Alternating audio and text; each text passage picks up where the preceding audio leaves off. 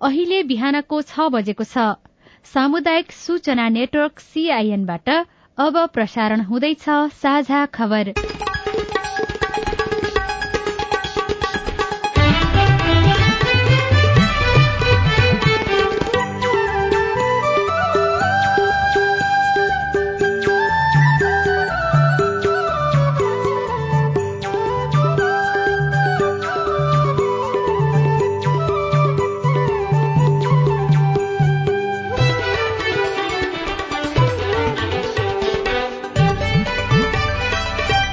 शुभ प्रभात यो सीआईएनको साझा खबर हो। उषा तामाङसँगै लील प्रकाश चन्दको तपाईँलाई स्वागत छ। सामुदायिक रेडियोबाट देशैभरि एकैसाथ प्रसारण भइरहेको साझा खबर सीआईएन खबर डट कम र मोबाइल एप सीआईएनबाट पनि सुन्न सकिन्छ। आज दुई हजार उनासी साल असोज तीस गते आइतबार अक्टोबर सोह्र तारीक सन् दुई हजार बाइस नेपाल सम्बत एघार सय बयालिस कार्तिक कृष्ण पक्षको सप्तमी तिथि आज विश्व खाद्य दिवस। साझा खबरमा प्रमुख खबरका शीर्षकहरू। चुनावी घोषणा पत्रलाई अन्तिम रूप दिन दलहरू छलफलमा आचार संहिता उल्लंघन गर्ने विरूद्ध हालसम्म चौध स्पष्टीकरण माग सत्ता गठबन्धनले केन्द्र प्रदेश र जिल्लामा समन्वय समिति गठन गर्ने। मतदाता शिक्षा फेरि घर दैलोमा पुर्याउने तयारी मनसून आजबाट पूर्ण रूपमा बाहिरिने बाढ़ी पहिरो र चट्याङबाट एक सय अठहत्तर जनाको मृत्यु। कोइला अभावको बहानामा दुई सरकारी सिमेन्ट उद्योग बन्द सयपत्री मालाको आयात घट्ने इन्धन आयातबाट तीन महिनामा चौध अर्ब राजस्व संकलन रूसद्वारा युक्रेनको ऊर्जा केन्द्रमा मिसाइल आक्रमण बिजुली बचाउन राष्ट्रपति जेलेन्स्कीको आग्रह। टर्कीको कोइला खानीमा भएको विस्फोटमा परिमृत्यु हुनेको संख्या एकचालिस पुग्यो। र शेख रसेल कप अन्तर्राष्ट्रिय आमन्त्रण बुद्धिचाल प्रतियोगितामा नेपाल विजयी आईसीसी टी ट्वेन्टी विश्वकप आजबाट शुरू हुँदै।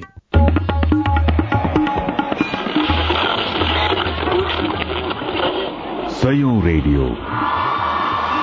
हजारौं रेडियो कर्मी। र करोड़ौं नेपालीको माझमा यो हो सामुदायिक सूचना नेटवर्क सीआईएन साझा खबरको सबैभन्दा शुरूमा मतदाताहरूलाई प्रभावित पार्नको लागि उम्मेद्वारहरूले सामाजिक सञ्जालको प्रचार प्रसारलाई तीव्रता दिएको प्रसंग आउँदो मंगिर चार गते हुने प्रतिनिधि सभा तथा प्रदेश सभा चुनाव नजिकै गर्दा राजनैतिक दल तथा उम्मेद्वारहरूले सामाजिक सञ्जाल मार्फतको प्रचारलाई तीव्रता दिएका छन्। आफ्नो निर्वाचन क्षेत्रको घर दैलो र तथा सभा समारोहमा सहभागी हुने क्रम नरोकिए पनि सामाजिक सञ्जालबाट मतदातासम्म पुग्ने अभियान गत वैशाखको अन्तिममा भएको स्थानीय तहको निर्वाचनको तुलनामा यसपालि बढ़ने देखिएको छ। फेसबुक टिकटक ट्विटर लगायतका सामाजिक सञ्जालमा उम्मेद्वारहरूले आफ्नो एजेण्डा प्रस्तुत गर्ने आफूलाई भोट दिन अनुरोध गर्ने तथा भोट माग्न कता जान लागेको भन्ने बारेमा जानकारी दिन थालेका भिन्न भिन्न सामग्री देख्न सकिन्छ। सीआईएनसँग कुरा गर्दै एकजना अनुसन्धानकर्ता उज्जवल आचार्यले भने सामाजिक सञ्जालको सकारात्मक र नकारात्मक पक्ष दुवै भएकाले उम्मेद्वार अनि मतदाता सचेत हुनुपर्ने बताउनुभयो। उम्मेद्वारहरूले चाहिँ सामाजिक सञ्जाल फेसबुक प्रयोग गरेर प्रचार गर्ने क्रम चाहिँ बढ्दो देखिएको छ। सामाजिक सञ्जाललाई प्रयोग गरेर विज्ञापन गर्दाखेरिका फाइदाहरू छन्। त्यो भनेको आफूले चाहेका मतदाताहरूसँग मात्रै पुग्न सकियो उमेर समूहमा मात्रै पुग्न सकियो। पेसागत हिसाबले फरक खालका मेसेजिङहरू छ भने त्यो फरक खालका मेसेजिङहरूलाई हेरेर पनि विज्ञापन गर्न सकियो। यो चाहिँ यसको सबल पक्ष हो। दुर्बल पक्ष भने चाहिँ एकदमै गाह्रो छ अनुगमन गर्नको लागि। कसले के गरिरहेछ कता पैसा तिरिरहेछ के भन्ने कुराहरू छन्। कतिपय अवस्थामा चाहिँ नेपालबाट पैसा नतिरिकन विदेशबाटै पैसा तिरेर विज्ञापन भएका घटनाहरू पनि अघिल्लो स्थानीय निर्वाचनमा देखिएको थियो। अर्थतन्त्रमा पार्ने प्रभाव छँदैछ। प्रचार प्रसार गर्न नपाइने मौन अवधिमा समेत व्यापक रूपमा चाहिँ सामाजिक सञ्जालबाट उम्मेद्वारहरूले विज्ञापनहरू गर्ने अनुगमन नहुँदाखेरि चाहिँ यो सामाजिक सञ्जाललाई प्रभावकारी रूपमा उपयोग गर्न सक्नेले चाहिँ अन्य उम्मेद्वार भन्दा चाहिँ फाइदा लिन सक्ने अवस्था छ र त्यो कतिपय अवस्थामा निर्वाचन आयोगले अथवा निर्वाचन कानूनले तोकेको आचार संहिताले तोकेको सीमाभन्दा बाहिर गएर पनि त्यस्तो फाइदा लिन सक्ने अवस्था सिर्जना भएको देखिएको छ। यसअघि सामाजिक सञ्जालमा आबद्ध नभएका वा निष्क्रिय भएका उम्मेद्वार तथा नेताहरू पनि हिजो आज सक्रिय भएका छन्। निर्वाचन आयोगले भने निर्वाचनको खर्चमा सामाजिक सञ्जाल मार्फत गरिएको लगानीको विवरण पनि समावेश गर्न उम्मेद्वारहरूलाई भनिसकेको छ। हिजो पोखरा पुग्नुभएका प्रमुख निर्वाचन आयुक्त दिनेश कुमार थपलियाले निर्वाचन आचार संहिता दुई हजार उनासीलाई कड़ाईका साथ पालना गर्न गराउन निर्देशन दिनुभएको छ। आचार संहिताको उल्लंघन गरेको देखिएमा तत्काल आयोगमा लिखित वा मौखिक जानकारी गराउन अनुगमन अधिकृतलाई उहाँले निर्देशन दिनुभयो। प्रतिनिधि सभा र प्रदेशसभा निर्वाचन कार्यक्रम शुरू भए यता आचार संहिताको उल्लंघन गर्नेहरूलाई निर्वाचन आयोगले चौधवटा स्पष्टीकरण सोधेको छ जसमा पार्टीका मुख्य नेता उम्मेद्वार व्यक्ति संस्था मन्त्रालय सरकारी कार्यालय समेत रहेको आयोगका सहप्रवक्ता कमल भट्टराईले सीआईएनसँग बताउनुभयो। हालसम्म छजना व्यक्ति र आठवटा संस्थालाई आयोगबाट स्पष्टीकरण सोधिएको छ। यसरी प्राप्त उजुरी उप श्रम रोजगार तथा सामाजिक सुरक्षा मन्त्रालय र अर्थ मन्त्रालयलाई त्यस्ता विषयमा आयोगको सहमति लिएर मात्र कार्य सम्पादन गर्न लेखी पठाइएको छ भने संघीय मामिला तथा सामान्य प्रशासन मन्त्रालय शहरी विकास मन्त्रालय नेपाल प्रज्ञा प्रतिष्ठान अर्थ मन्त्रालय धितोपत्र बोर्ड बीमा समिति र मुख्यमन्त्री तथा मन्त्री परिषदको कार्यालय गण्डकी प्रदेशलाई चाहिँ स्पष्टीकरण सोधिएको छ। आयोगले यसअघि माओवादी केन्द्रका अध्यक्ष पुष्पकमल दाहाल प्रचण्डलाई उम्मेद्वारी दर्ताका क्रममा किन बाजा गाजा र भीड़भाड़ लगेको भनेर स्पष्टीकरण सोधेको थियो। जवाफमा प्रचण्डले भने आफ्नो उम्मेद्वारीको समयमा कसले बाजा बजायो भन्ने आफूलाई थाहा नभएको उल्लेख गर्नुभएको छ। आचार संहिता लागू भइसकेपछि पनि धितोपत्र बजार वस्तु बजार धितोपत्र ब्रोकर बीमा कम्पनी लगायत क्षेत्रमा लाइसेन्स वितरण गर्न लागेको विषयमा निर्वाचन आयोगले सरकारलाई स्पष्टीकरण सोधेको छ। आचार संहिता विपरीत कार्य रोक्न आवश्यक आदेश जारी गर्न माग गर्दै शुक्रबार उपभोक्ता हित संरक्षण मंच नेपालले आयोगमा उजुरी दिएको थियो। निर्वाचन आयोगले आचार संहिता कडाई गरे पनि उम्मेद्वारहरूको अभिव्यक्ति भने आचार संहिता विपरीत आउने क्रम अझै रोकिएको छैन। मतदातालाई प्रभावित पार्न विकास निर्माण सुशासनमा योगदान दिएको दावी गर्नेदेखि आरोप प्रत्यारोपमा उनीहरू उत्रिएका छन्। एकजना विश्लेषक डाक्टर जनार्दन आचार्यले सीआईएनसँग कुराकानी गर्दै भन्नुभयो। निर्वाचनको बेला गरिने सहयोग भन्नुहोस् अथवा लेनदेन भन्नुहोस् अथवा थ्रेट भन्नुहोस् जे भन्नुहुन्छ त्यसैले प्रभाव पार्ने हो। होइन भनेदेखि अब धर्म मठमा गएर रुद्राक्षको माला लगाएर मस्जिदमा गएर त्यसले केही हुनेवाला जस्तो छ जस्तो मलाई लाग्दैन। यद्यपि यो हन्ड्रेड पर्सेन्ट सही छ हुँदै हुँदैन त म भन्दैन। जिरो जिरो पोइन्ट वान पर्सेन्टलाई असर परे पर्ला। होइन भनेदेखि अहिलेको जनता भनेको मतदाता भनेको अलिकति पहिलेको भन्दा नेताहरूले सोचेको भन्दा धेरै एडभान्स छ। त्यो दियो भनेदेखि दिने कुरो लिने अनि के गर्ने त भन्दाखेरि आफ्नो कन्फिडेन्सले आफूलाई मन परेको आफ्नो टोलमा काम लाग्ने जो आफ्नै भोलि दुःख सुखमा मर्दा पर्दा भन्छौँ हामीहरूले त्यसमा काम लाग्ने मान्छेहरूलाई चुन्नुपर्छ। जो नैतिकवान छ जो केही गर्न भनेर आइरहेछ कोही मोटिभेटेड छ होइन भनेदेखि त्यो सिट पाउनको लागि सांसद हुनको लागि र सांसद भएर केही आफूलाई मात्रै व्यक्तिगत रूपमा गर्छु भन्ने मान्छेहरूलाई उनीहरूले आइडेन्टिफाई गर्न सक्नु पर्यो। निर्वाचन आयोगले मंगिर चार गते हुने प्रतिनिधि सभा सदस्य र प्रदेशसभा सदस्यको निर्वाचन प्रयोजनका लागि निर्धारित चिन्ह मध्ये तीनवटामा सामान्य हेरफेर गरेको छ। आयोगको असोज सत्ताइस गतेको निर्णय अनुसार हाम्रो नेपाली पार्टीको निर्वाचन चिन्ह लौरो स्वतन्त्र उम्मेद्वारको निर्वाचन चिन्ह अन्तर्गत डोजर र क्रस खुकुरी निर्वाचनमा समेत हेरफेर गरिएको आयोगका सहायक प्रवक्ता भट्टराईले जानकारी दिनुभयो। प्रतिनिधि सभा तथा प्रदेशसभा निर्वाचनका लागि समानुपातिक तर्फको मतपत्र हालसम्म अठार जिल्लामा पुगेको छ। खोटाङ ओखलढुङ्गा सोलुखुम्बु उदयपुर सप्तरी महोत्तरी धनुषा सिराहा तापलेजुङ पाँचथर इलाम झापा संखुवासभा तेह्रथुम भोजपुर धनकुटा मोरङ र सुनसरी जिल्लामा समानुपातिक तर्फको मतपत्र पुगेको आयोगले जनाएको छ। प्रत्यक्षतर्फको सत्र लाख मतपत्र हिजोसम्म छापिएको छ। निर्वाचन नजिकै गर्दा दलहरू घोषणा पत्र लेखनको कामलाई अन्तिम रूप दिन लागि परेका छन्। केन्द्रीय कार्य सम्पादन समितिबाट संशोधनसहित पारित भएको घोषणा पत्रलाई कांग्रेसले केही दिन भित्रैमा अन्तिम रूप दिने सहमहामन्त्री बद्री पाण्डेले सीआईएनलाई जानकारी दिनुभयो। कार्य सम्पादन समितिमा सुझावहरू चाहिँ थपिएका छन् सुझावहरू आएका छन्। ती सुझावहरूलाई समेत समेटेर यसलाई अन्तिम रूप दिने प्राविधिक काम बाँकी छ। हामीले राजनीतिक रूपमा वैधानिक रूपमा अब घोषणा पत्र पारित गरिसकेका छौँ। केही दिनभित्र सुझावहरूलाई समाविष्ट गरेर यसले अन्तिम रूप पाउँछ। त्यसपछि जिल्लाहरूमा हामी वितरण शुरू गर्छौं। जिल्लाहरूमा घोषणा पत्र चाहिँ पठाउने काम अगाडि बढ्छ। नेकपा एमाले पनि केही दिनभित्रै घोषणा पत्र लेखनलाई अन्तिम रूप दिने प्रचार विभाग प्रमुख पृथ्वी सुब्बा गुरूङले जानकारी दिनुभयो। अध्यक्ष केपी शर्मा ओली महासचिव शंकर पोखरेल लगायतका नेताहरू घोषणा पत्र लेख्नको लागि ललितपुरको एउटा रिसोर्टमा पुग्नु भएको छ। माओवादी केन्द्रले पनि घोषणा पत्र लेखनको कामलाई दुई चार दिनभित्रैमा सक्ने गरी काम भइरहेको महासचिव देव गुरूङले जानकारी दिनुभयो। कृषि विभागले धान रोपाईको क्षेत्रफल नबढ़ेको बताएको छ। प्रदेश एकबाट प्राप्त तथ्याङ्कमा त्रुटि पाइएपछि वास्तविक विवरण पठाउन भनिएको विभागका महानिर्देशक डाक्टर रेवती रमण पौडेलले सीआईएनसँग बताउनुभयो। त्यति बेला हामीले अब धान रोपाइँको विवरण सार्वजनिक गर्नु पर्ने थियो विवरण आयो त्यसलाई कम्पाइल गरियो। अब त्यो अलिकति नमिलेको जस्तो देखिएको छ त्यसलाई हामी छिटै मिलाउँदैछौँ। हाम्रो सन्तानब्बे पर्सेन्ट रोपाइ भयो भन्ने हिसाबले हामीले पानी चाहिँ अलिकति कम परेको हुनाले यसपालिको अनुमान चाहिँ हाम्रो पन्चानब्बे पर्सेन्ट जति धान रोपाइ भएको भनेर चाहिँ हामीले रिपोर्टिङ गरिरहेको छौँ होइन? करेन्ट स्ट्याटिस्टिक्स त्यही नै हो है? तथाइ तथाइ नमिलेको कुरा हामीलाई पनि फर्किरहेको छ हामी त्यसमा काम गरिरहेछौँ कि? राजनीतिक दलहरूले आफ्ना मातहतका नेकाहरूलाई जिल्ला स्तरमा पनि समन्वय समिति गठन गर्नको लागि निर्देशन दिएका छन्। यो सत्ता साझेदार दलहरूको प्रसंग हो।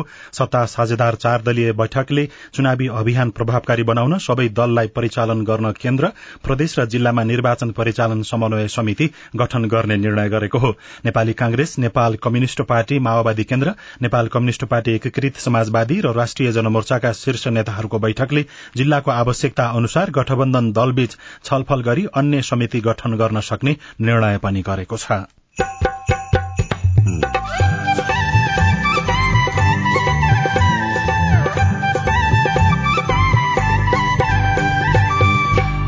सामुदायिक सूचना नेटवर्क सीआईएन मार्फत देशभरि प्रसारण भइरहेको साझा खबरमा नवौं राष्ट्रिय खेलकुद प्रतियोगिताका कारण पोखरामा चहल पहल बढ्दै अरू बेला त हजार पन्ध्र सय त्यही दुई हजार व्यापार हुन्थ्यो। अरू बेला भन्दा अहिले चाहिँ बढेछ। खेलकुदले गर्दाखेरिमा होटेलहरू धेरै जसो अहिले अब प्याकै छन् भने नि भयो।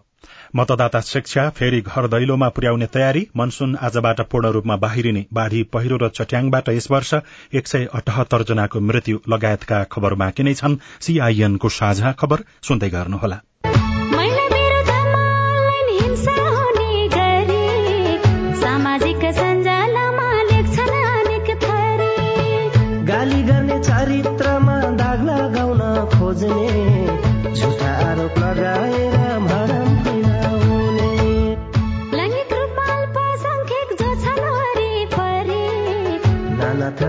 गर्छन् होच्याउने गरी नजिस्काउनु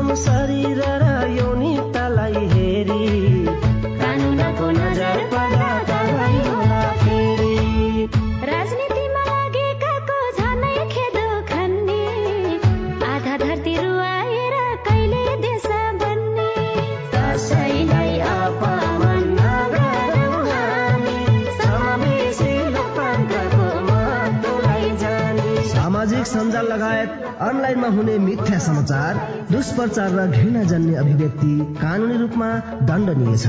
अनलाइन हिंसा नगरौं र नसहौं।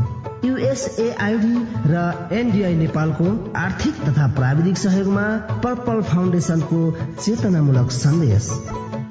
सामाजिक रूपान्तरणका लागि यो हो सामुदायिक सूचना नेटवर्क सीआईएन तपाई अहिले देशभरिका सामुदायिक radio CIN Khabar dot com र मोबाइल एप सीआईएनबाट एकैसाथ साझा खबर सुन्दै हुनुहुन्छ। मोबाइल एप नेपाली पात्रोबाट पनि साझा खबर सुनिरहनु भएको छ। अब बाँकी खबर। सुदूरपश्चिम कडाली गण्डकी लुम्बिनी बागमती र मध्य प्रदेशबाट यस वर्षको मनसून बाहिरिएको छ। जल तथा मौसम विज्ञान विभाग मातहतको मौसम पूर्वानुमान महाशाखाका अनुसार गत भदौ बाइस गते नेपालको पूर्वी भागबाट प्रवेश गरेको यस वर्षको मनसून आज बाहिरिएको हो। बाँकी भूभागबाट पनि मनसून बाहिरिने र त्यसपछि नेपालमा मनसूनी वर्षा नहुने मौसमविद वरूण पौडेलले सीआईएनलाई जानकारी दिनुभयो। सरदरमा अक्टोबर दुईका दिन नेपालबाट बाहिरिने मनसून यस वर्ष औसत मिति भन्दा केही दिन ढिलो गरी बाहिरिन शुरू भएको हो। अब आज काठमाडौँबाट प्रकाशित पत्र पत्रिकाको खबर। नयाँ पत्रिका दैनिकमा वर्षा गत वर्षको भन्दा कम क्षति बढ़ी। मनसूनमा बाढ़ी पहिरो र चट्याङबाट एक सय अठहत्तर जनाको मृत्यु शीर्षकमा खबर छापिएको छ। एम बम लेख्नुहुन्छ उत्तरार्धमा सक्रिय बनेर धान बालीसँगै मानवीय क्षति निम्ति आएको मनसून बाहिरिन थालेको छ। औसत भन्दा तेह्र दिन भन्दा बढ़ी नेपाली आकाशमा छाएको मनसून प्रदेश एक बाहेकका क्षेत्रबाट बाहिरिएको हो। यद्यपि आज प्रदेश एकबाट बाहिरिने मौसमविदले बताएका छन्। बाढ़ीबाट उन्नाइस जनाको मृत्यु भएको छ। पहिरो भारी वर्षाबाट पञ्चानब्बे जनाको मृत्यु भएको छ भने चट्याङ लागेर सात जनाको मृत्यु भएको पाइएको छ। भित्री पन्नामा कोइला अभावको बहानामा दुई सरकारी सिमेन्ट उद्योग बन्द शीर्षकमा अजित अधिकारी र पवन तिमल सिन्हाले खबर लेख्नु भएको छ। पूर्ण सरकारी स्वामित्वका उदयपुर र हेटौडा सिमेन्ट उद्योग दशैं अघिदेखि बन्द भएका छन्। विश्व बजारमा बढ़ेको कोइलाको भाव अहिले सस्तिन थाले पनि दुवै उद्योग व्यवस्थापनले कोइलाको चरम अभाव भएको बहाना बनाउँदै उद्योग बन्द गरेका हुन्। चौध असोजदेखि बन्द भएको उदयपुर सिमेन्ट उद्योग खुलाउन व्यवस्थापनले चासो नदिएपछि मजदूर र कर्मचारीले हिजो बिहान महाप्रबन्धक गोपीकृष्ण नेउपानेलाई लिखित ध्यानाकर्षण गराएका थिए। उदयपुर सिमेन्टले गत आर्थिक वर्ष दुई हजार अठहत्तर उनासीको नाफा नोक्सान विवरण सार्वजनिक गर्न इन्कार गरेको छ भने हेटौडा सिमेन्टले साढे तेइस करोड़ नोक्सान बेहोरेको दावी गरेको छ। उत्पादन बढ़ेपछि सयपत्री माला आयात घटाइँदैछ। कान्तिपुर दैनिकले यो खबर लेखेको हो। तिहारको भाइ टीका आउन केही दिन बाँकी छ। त्यसैले मखमली फूल किसानलाई यति बेला भ्याइ नभ्याइ छ। मखमली फूल नबिग्रने हुँदा किसान यति बेला फूल टिप्न र माला बनाउन व्यस्त छन्। उनीहरूले आफ्ना उत्पादनलाई बजारमा समेत पुर्याइसकेका छन्।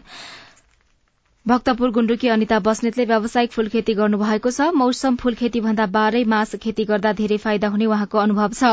हालसम्म मखमली फूलका अठार हजार थान माला बजार पुर्याइसकेको उहाँले बताउनु भएको छ। बजारमा यस वर्ष तिहारमा सयपत्री माला बीस लाख मखमली माला तीन लाख पच्चीस हजार र गोदावरी माला बीस हजार धान खपत हुने अनुमान गरिएको छ। कडालीका चार जिल्ला संकट क्षेत्र घोषणा गरिएको छ। नागरिक दैनिकबाट हामीले यो खबर लिएका हौं।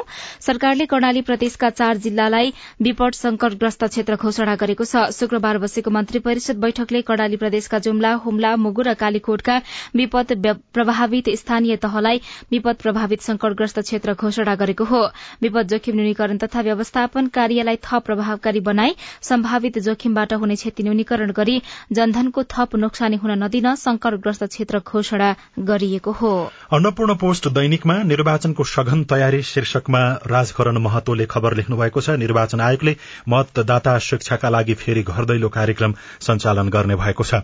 स्थानीय तह निर्वाचनमा यो घर दैलो रोकेर मतदान केन्द्रमै यो कार्यक्रम सञ्चालन गरिएको थियो तर उक्त कार्यक्रम प्रभावकारी भएको थिएन। झण्डै छ प्रतिशत मत बदर भएको थियो। जुन वर्ग र समुदायलाई बढ़ी आवश्यक छ त्यही त्यहाँ घर दैलो कार्यक्रम केन्द्रित गरिने निर्वाचन आयोगले जनाएको छ। संचार माध्यम र सामाजिक सञ्जालबाट पनि मतदाता शिक्षाका कार्यक्रम सञ्चालनमा ल्याउने तयारी गरिएको छ।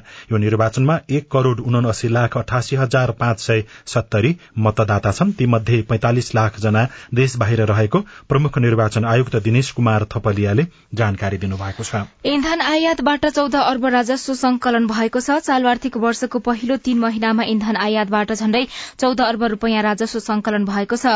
नेपाल आयल निगमले चालू आर्थिक वर्षको साउनदेखि असोज सत्ताइस गतेसम्म छ लाख किलो लिटर पेट्रोलियम पदार्थ डिजल पेट्रोल मट्टी तेल हवाई इन्धन र ग्यास आयात गरेर चौध अर्ब सड़तीस करोड़ रूपियाँ राजस्व संकलन भएको हो।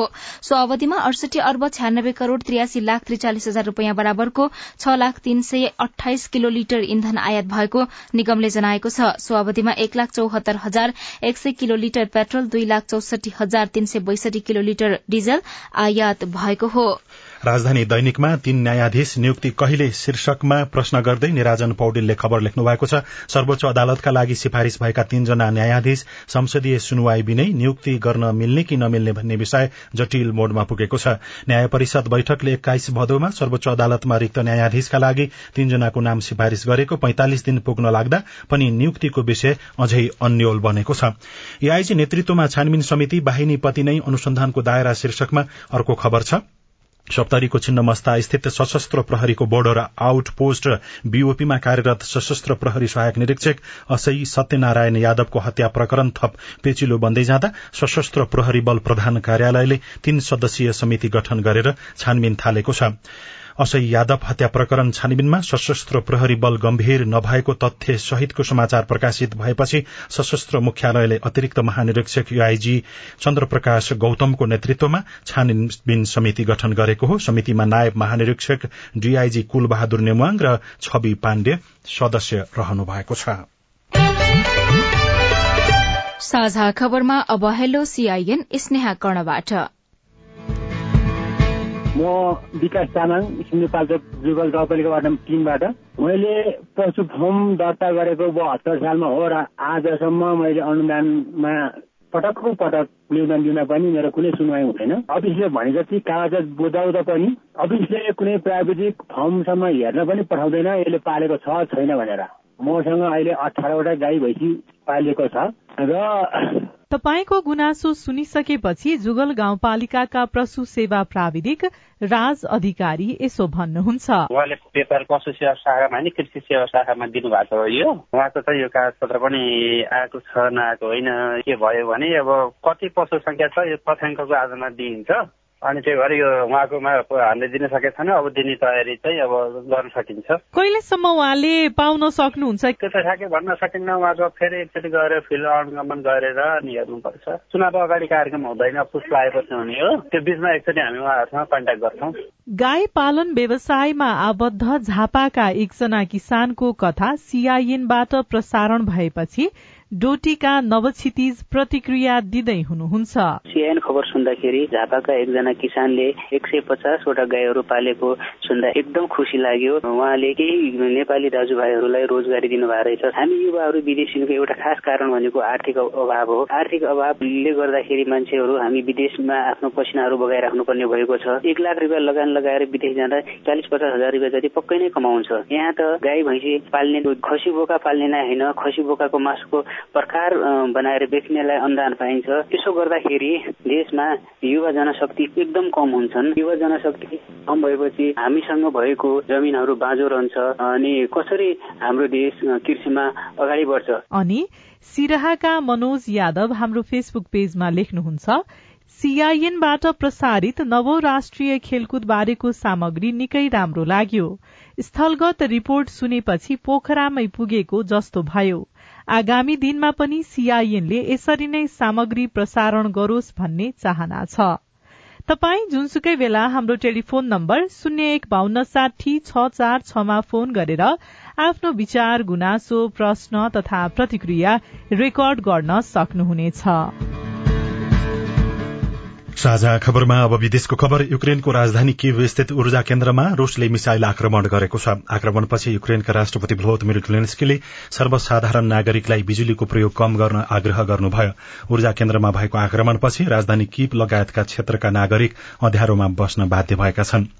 टर्कीको एक कोइला खानीमा विस्फोट हुँदा मृत्यु हुनेको संख्या एकचालिस पुगेको छ। विस्फोटमा परिकम्तीमा अठाइस जना घाइते भएका छन्। अन्तर्राष्ट्रिय संचार माध्यमका अनुसार टर्कीको उत्तरी क्षेत्रमा रहेको बार्टिनको आमसरामा ज्वलनशील ग्यासका कारण कोइला खानीमा विस्फोट भएको थियो। र अमेरिकी राष्ट्रपति जो बाइडेनको विवादित बयानपछि पाकिस्तानले आपत्ति जनाएको छ। राष्ट्रपति बाइडेनले एउटा कार्यक्रममा पाकिस्तान विश्वको सबैभन्दा खतरनाक मुलुक मध्येको एक रहेको बताएपछि पाकिस्तानले आपत्ति जनाएको हो। पाकिस्तानका प्रधानमन्त्री शहबाज शरीफले पाकिस्तान एक जिम्मेवार परमाणु हतियार सम्पन्न मुलुक भएको र यसप्रति कसैले शंका गर्न नहुने उल्लेख गर्नुभयो। पाकिस्तानका विदेश मन्त्री बिलाबल भुट्टोले अमेरिकी राजदूतसँग यस विषयमा आधिकारिक रूपले बुझ्नुपर्ने बताउनु भएको बीबीसीले लेखेको छ। साझा खबरमा अब खेल खबर। बंगलादेशको राजधानी ढाकामा जारी शेख रसेल कप अन्तर्राष्ट्रिय आमन्त्रण बुद्धिचाल प्रतियोगितामा नेपाल विजयी भएको छ। नेपालले पाकिस्तानमाथि जीत निकालेको हो। आठौं संस्करणको आईसीसी टी ट्वेन्टी विश्वकप क्रिकेट आजबाट शुरू हुँदैछ। अस्ट्रेलियाको भिक्टोरियामा शुरू हुने प्रतियोगिताको पहिलो राउण्ड अन्तर्गत समूह एकका दुई खेलहरू हुँदैछन्। उद्घाटन खेलमा नामिबिया र श्रीलंका बीच प्रतिस्पर्धा हुनेछ। जीएमएचबीए मैदानमा हुने खेल नेपाली समय अनुसार बिहान नौ पैंतालिसमा शुरू हुनेछ।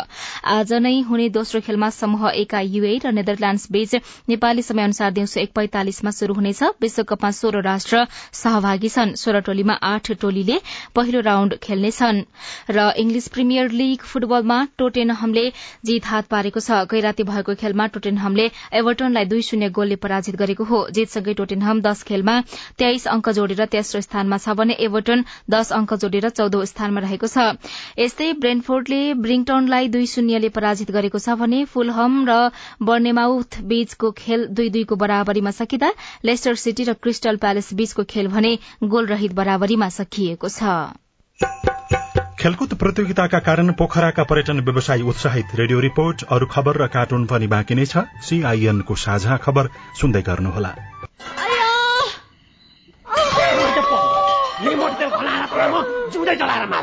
ए बुढा बुढा। लौ नि त्यो माइलाले त मार्ने भयो त माइलीलाई। मटी त पो खनाउँदैछ त। लौ नि झट्टै पुलिस बोलाइदिनु त। हो त पुलिसलाई खबर नगरी भएन। यसले त अति नै गर्न लाग्यो। एक शून्य शून्य। Hello police station? लौ तपाईँहरू झट्टै यो जिल्ला अस्पताल लिएर आइदिनु पर्यो। तपाईँहरू जस्तो असल छिमेकीलाई चाहिँ धेरै धन्यवाद है। हामीलाई बेलैमा खबर गरिदिनु भएर थप अप्रिय घटना हुन पाएन। यसरी अग्निजन्य हिंसा महिला हिंसा गर्नेलाई त कानून बमोजिम दण्ड सजाय हुन्छ। ल यसलाई लिएर हिँड्नुहोस् त। सावधान। पेट्रोल मट्टीतेल जस्ता ज्वलनशील पदार्थ लगायत तेजाब करेन्ट आदिले जलाई ज्यान मार्ने अङ्गभङ्ग गर्ने शारीरिक क्षति पुर्याउने जस्ता आपराधिक कार्य गर्नेलाई प्रचलित कानून अनुसार कडा भन्दा कडा सजाय तथा जरिवानादेखि जन्म कैदसम्म हुने व्यवस्था छ। त्यस्ता कार्य नगरौं नगराउ। अग्निजन्य हिंसा भएमा उजुरी गर्न प्रहरीको नम्बर एक शून्य शून्यमा र अन्य आवश्यक सहयोगको लागि बीबीएस नेपालको फोन नम्बर शून्य एक चौन्न पचपन्न छ आठ नौमा सम्पर्क गर्नुहोला। अग्निजन्य हिंसा विरुद्धको अभियानमा एक्सन एड नेपाल र बीभीएस नेपालद्वारा जनहितमा जारी सन्देश। सामाजिक रूपान्तरणका लागि यो हो सामुदायिक सूचना नेटवर्क सीआईएन साझा खबरमा अब राष्ट्रिय खेलकुदले पोखराको पर्यटनमा परेको प्रभाव। कोरोना महामारीले शिथिल बनेको पोखराको पर्यटन अझै लयमा फर्किसकेको छैन। व्यवसायीहरूले पर्यटन क्षेत्र पुनरुत्थानका लागि राष्ट्रिय र अन्तर्राष्ट्रिय स्तरमा विभिन्न कार्यक्रमहरू गरिरहेका छन्। यही समयमा पोखरामै आयोजना गरिएको राष्ट्रिय खेलकुद प्रतियोगिताले पोखरालाई व्यस्त बनाएको छ। केही दिन यता पोखरामा चहल पहल बढ़ेको छ। होटलहरू भरिभराउ छन्। व्यापारीलाई सामान बेच्न भ्याइ नभ्याइ छ। रामबजार स्थित पोखरा रंगशालामा नवौं राष्ट्रिय खेलकुद प्रतियोगिता चलिरहँदा अमरसिंहदेखि जिरो किलोसम्मको सड़क पनि भरिभराउ छ। यो सय ए यो पचासको रहेछ। ए सयको रहेछ यिनीहरू। पचासको पचासको छ यता गण्डकी प्रदेशका विभिन्न जिल्लामा खेलकुद प्रतियोगिता भइरहे पनि धेरै जसो खेल पोखरामै हुँदैछन्। छयालिस कोठा भएको लेक साइडको होटल स्नो ल्याण्ड लामो समयपछि अहिले भरिभराउ भएको छ। व्यवस्थापक देवी प्रसाद लामिछाने। अब त्यसरी यो भन्दा अगाडि त अब कोही बेला फेस्टिभल पर्यो अब यस्तै पर्यो भने त प्याक हुन्थे अहिले खेलकुदले गर्दाखेरिमा विभिन्न होटलहरू अब धेरै जसो अहिले अब प्याकै छन् भने नि भयो। शुक्रबार राति अबेरसम्म रंगशालामा प्रतियोगिता उद्घाटनको चहल पहल थियो हाम्रो ब्यान्ड टोली पनि तयारी गर्दछु र सुरुमा रहनेछ नौ राष्ट्रिय खेलकुदको समुद्घाटन ब्यानर। रंगशालाको छेवैमा चटपटे बेचिरहेका कृष्ण पनेरू झण्डै महिनाभर हुने जति व्यापार पछिल्लो तीन चार दिनमै भएको बताउनुहुन्छ। अरू बेला त हजार पन्ध्र सय त्यही दुई हजार व्यापार हुन्थ्यो। अरू बेला भन्दा अहिले चाहिँ बढेछ। यो चाहिँ खेलले गर्दाखेरि? खेलले गर्दाखेरि। बिहासम्म छ अहिले। प्रतियोगिता अवधिभर झण्डै पचास हजार जना पोखरा पुग्ने राष्ट्रिय खेलकुद परिषदको अनुमान छ। कोरोनाले थला परेको पोखराको पर्यटन क्षेत्रमा आबद्ध दुई हजार पर्यटन व्यवसायीलाई राष्ट्रिय खेलकुद प्रतियोगिताले उत्साही बनाएको पोखरा पर्यटन परिषदका अध्यक्ष ओम नारायण श्रेष्ठ बताउनुहुन्छ। केही नभए पनि पोखरा लेक साइड नभइकन पोखरा नै अलिकति चलायमान आर्थिक हिसाबले होस् होइन सामाजिक सबै सबै किसिमले अलिकति चहलपहल चाहिँ बढेको अवस्था छ।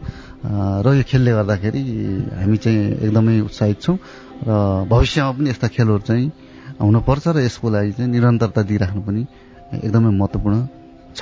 पोखराको पर्यटन क्षेत्रमा एक खर्ब भन्दा बढ़ीको लगानी रहेको अनुमान छ। कोरोनापछि पर्यटकीय गतिविधि बढ़न नसक्दा चिन्तित बनेका व्यवसायीलाई नवौं राष्ट्रिय खेलकुदले थोरै भए पनि राहत दिएको छ।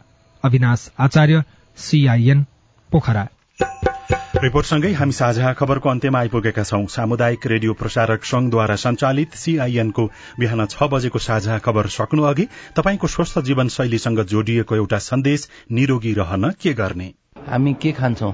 अथवा खानपिन भनौँ न पार्क जानु पर्यो कहीँ घुम्नु गयो यसो एक खेली चुरोट उडाउने त्यही भएर धुम्रपान त्याग्नु पर्यो। खानामा बर्गर पिज्जा जस्ता खानेकुरा नखाएर भात दाल तरकारी अचार खाने। हाम्रो शरीरलाई दिनमा तिस मिनट टाइम दिनुपर्छ। एक्सर्साइज गर्ने योगा व्यायाम कसरत गर्ने। धेरै मोटो र धेरै दुब्लो भन्दा पनि हामी केमा ध्यान दिनु पर्यो हामी फिट छौँ कि छैनौँ यो कुरामा ध्यान दिनु पर्यो र अर्को चाहिँ अहिलेको जमानामा चाहिँ एकदमै सबैलाई काम गर्नु पर्यो पैसा कमाउनु पर्यो ठुलो घर बनाउनु पर्यो। हो उहाँहरूलाई चाहिँ के चाहिँ मेरो नम्र निवेदन छ भनेपछि तपाईँहरू सबैले चाहिँ आराम पनि गर्न जरुरी छ। काम गर्ने काम नगर्ने होइन। तर एउटा मान्छेले चाहिँ दिनमा छदेखि आठ घन्टा सुत्न जरुरी छ। राम्रो खाने राम्रो एक्सर्साइज गर्ने तर आराम छैन। त्यही भएर स्वस्थ रहनको लागि यो तिनवटा मिलायो भने नब्बे प्रतिशतभन्दा बढी दीर्घ रोगहरूबाट चाहिँ हामी आफूलाई बचाउन सक्छौँ। डाक्टर अरूण शाहीसँगको कुराकानीमा आधारित यो सन्देशसँगै साझा खबरमा मुख्य मुख्य खबर फेरि एकपटक। चुनावी घोषणा पत्रलाई अन्तिम रूप दिन दलहरू छलफलमा आचार संहिता उल्लंघन गर्ने विरूद्ध हालसम्म चौध स्पष्टीकरण माग सत्ता गठबन्धनले केन्द्र प्रदेश र जिल्लामा समन्वय समिति गठन गर्ने। मतदाता शिक्षा फेरि घर दैलोमा पुर्याउने तयारी मनसून आजबाट पूर्ण रूपमा बाहिरिने बाढ़ी पहिरो र चट्याङबाट एक सय अठहत्तर जनाको मृत्यु। कोइला अभावको बहानामा दुई सरकारी सिमेन्ट उद्योग बन्द सयपत्री मालाको आयात घट्ने इन्धन आयातबाट तीन महिनामा चौध अर्ब राजस्व संकलन रूसद्वारा युक्रेनको ऊर्जा केन्द्रमा मिसाइल आक्रमण टर्कीको कोइला खानीमा भएको विस्फोटमा परि मृत्यु हुनेको संख्या एकचालिस पुग्यो। र शेख रसेल कप अन्तर्राष्ट्रिय आमन्त्रण बुद्धिचाल प्रतियोगितामा नेपाल विजयी। साझा खबरको अन्त्यमा कार्टुन। कार्टुन हामीले कान्तिपुर दैनिकमा अभिनले बनाउनु भएको गजब छबा शीर्षकको कार्टुन लिएका छौं। व्यङ्ग्य गर्न खोजिएको छ। राजनैतिक दलहरूले उम्मेद्वारी र टिकट वितरणमा विभेद गरेको भनेर विवरणहरू सार्वजनिक भइराखेका छन्। आसे पासेलाई टिकट दिइएको छ तर त्यागी नेताहरूले टिकट पाएका छैनन्। एउटा बन्द कोठा छ। पार्टी कार्यालय लेखिएको छ भित्तामा। हट्टाकट्टा ठूला भुँडी भएका नेताहरू अगाडि बसेका छन्। नजिकै एकजना दुब्ला नेता पनि बसिराखेका छन्। केही कुराकानी भइराखेको छ। तल चाहिँ यस्तो लेखेको छ तपाईँले पार्टीको लागि धेरै थोक त्याग्नुभयो। तपाईँ जस्तोलाई बागी बन्न सुहाउन्न। त्यागै नै भन्नुहोस् क्या। त्यागिदिनुहोस् उम्मेद्वारी। हवस् त प्राविधिक साथी सुनिल राज भारतलाई धन्यवाद। अहिलेलाई लील प्रकाश चन्द र उषा तामाङ विदा भयौं। तपाईँको आजको दिन शुभ होस्। नमस्कार। यसपछि देशभरिका सामुदायिक रेडियोबाट कार्यक्रम संवाद प्रसारण हुनेछ। सुन्ने प्रयास गर्नुहोला।